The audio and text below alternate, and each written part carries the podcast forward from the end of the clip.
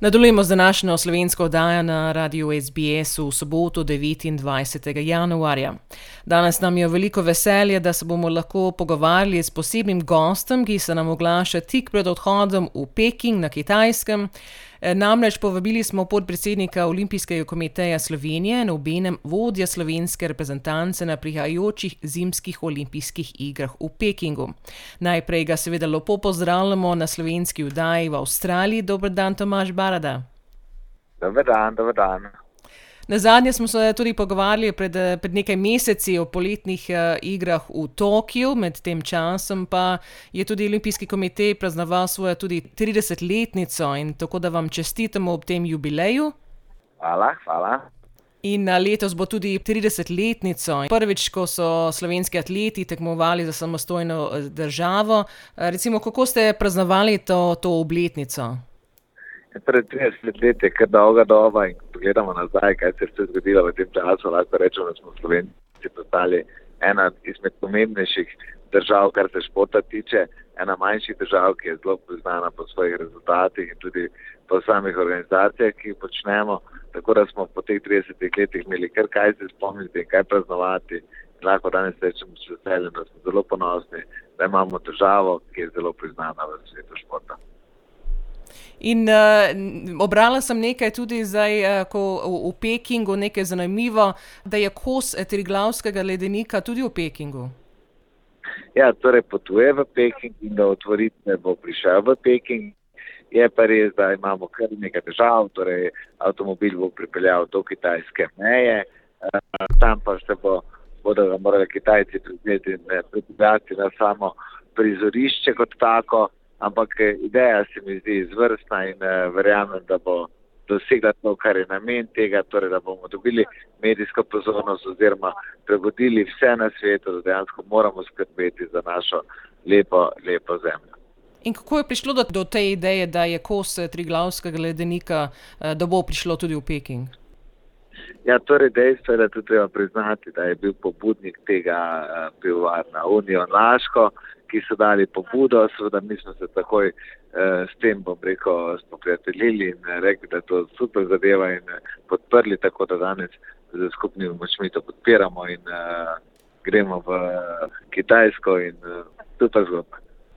In ko smo prej omenili, ste tudi tokrat vodja slovenske odprave, povejte nam malo več o slovenski reprezentanci, ki bo tekmovala na zimskih olimpijskih igrah od četrtega do dvajsetega februarja.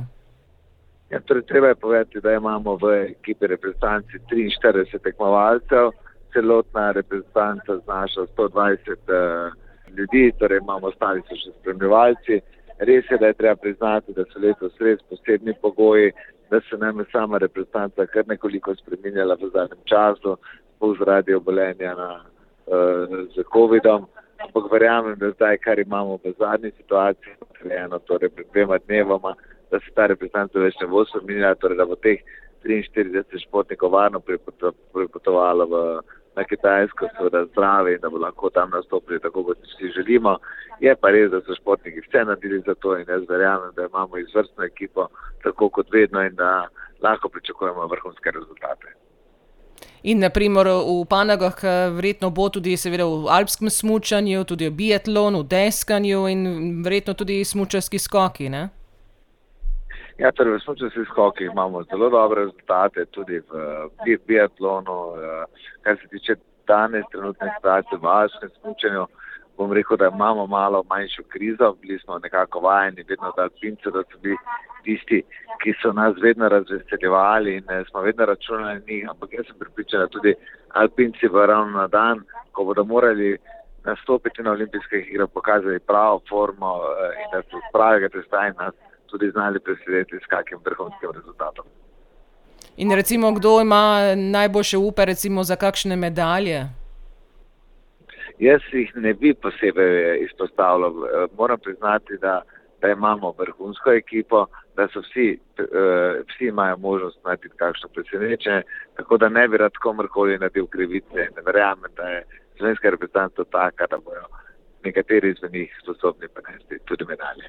Mi verjamemo tudi in seveda bomo tukaj veselo spremljali iz, iz naše strani, eh, kako bojo slovedi, seveda slovenski eh, tekmovalci se odrezali.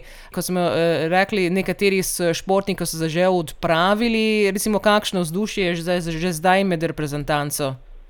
Ja, torej, ne, dejstvo je, da smo zdaj na poti samo vodje ekipe, prva ekipa športnikov potuje 31.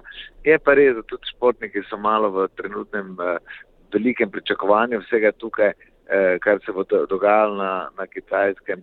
Po drugi strani pa nekako jaz upam, da ne bodo preveč obremenjeni z ukrepi, ampak se bodo koncentrirajo na tekmovanje in ta model je tako kot znajo in tako kot si vsi skupaj želimo. In so kakšni posebni pogoji eh, zaradi teh ukrepih v Pekingu, recimo kot so bili tudi naprimer v Tokiu? Kar se tiče Tokija, mislim, da so bili pogoji bistveno prijaznejši kot nas čakajo tukaj v Pekingu ampak še enkrat bi treba povdariti, da so pogoji za vse enake in uh, tako, da bomo jih morali vsi upoštevati in jaz sem pripričan, da se Slovenci znamo prilagoditi in iz tega izpršati najboljše. In uh, v petek eh, prihaja otvoritvena prireditev, kateri športniki bodo nosili zastave za Slovenijo? Ja, torej letos imamo uh, dva nosilca zastave, tako pri fantih kot pri puncah. Uh, pri puncah bo to, bom rekel, čast imela Ilka Štuhec, uh, Eh, pri fantih pa Žan Košir, naš eh, border, ki je že osvojil eh, medalje na olimpijskih igrah. Tako da dva izkušena športnika in zdaj tudi, tudi olimpica. Uh, upamo, da bo res se vse srečno začelo in tudi seveda odigralo v tem času v Pekingu, ko seveda, kot smo rekli, ukrepi so bolj strožji kot, kot v Tokiu. Tomaž Barada, podpredsednik Olimpijskega komiteja Slovenije in vodja slovenske reprezentance na zimskih olimpijskih igrah v Pekingu. Hvala za vaš čas danes, ko ste ravno na poti na letališče, da greste seveda v Peking. Držimo pesti za uh, slovenske tekmovalce in seveda jih bomo veselo spremljali tudi v Avstraliji. Hvala vam in lepo zdrav v Avstralijo in uh, ponosni smo, da vas imamo tudi tam.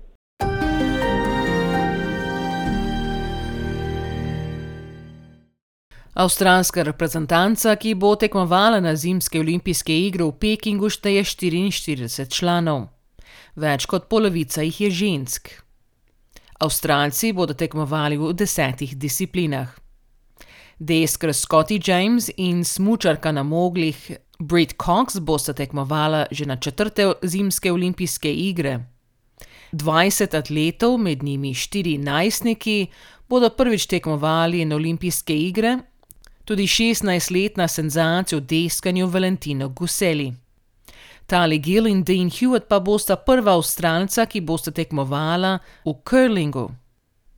Avstralija je na zadnjih igrah v Pjongčangu v Južni Koreji dobila dve srebrni medalji in eno bronasto. Držimo pesti tudi za avstralske tekmovalce v Pekingu. Naj še povemo, da mesto Peking je bil 31. julija 2015 izbran za gostitelja iger 24. olimpijade. Kitajska prestolnica je prvo prizorišče, ki bo gostila tako poletno kot zimsko izvedbo olimpijskih iger. Geslo iger je Together for a Shared Future ali Skupaj za skupno prihodnost. Maskota olimpijskih iger Peking 2022 sliši na ime Bing Duen Duen. Gre za velikega panda, odetega v ledeno obleko, z zlatim srcem in veliko ljubeznijo do vseh zimskih športov.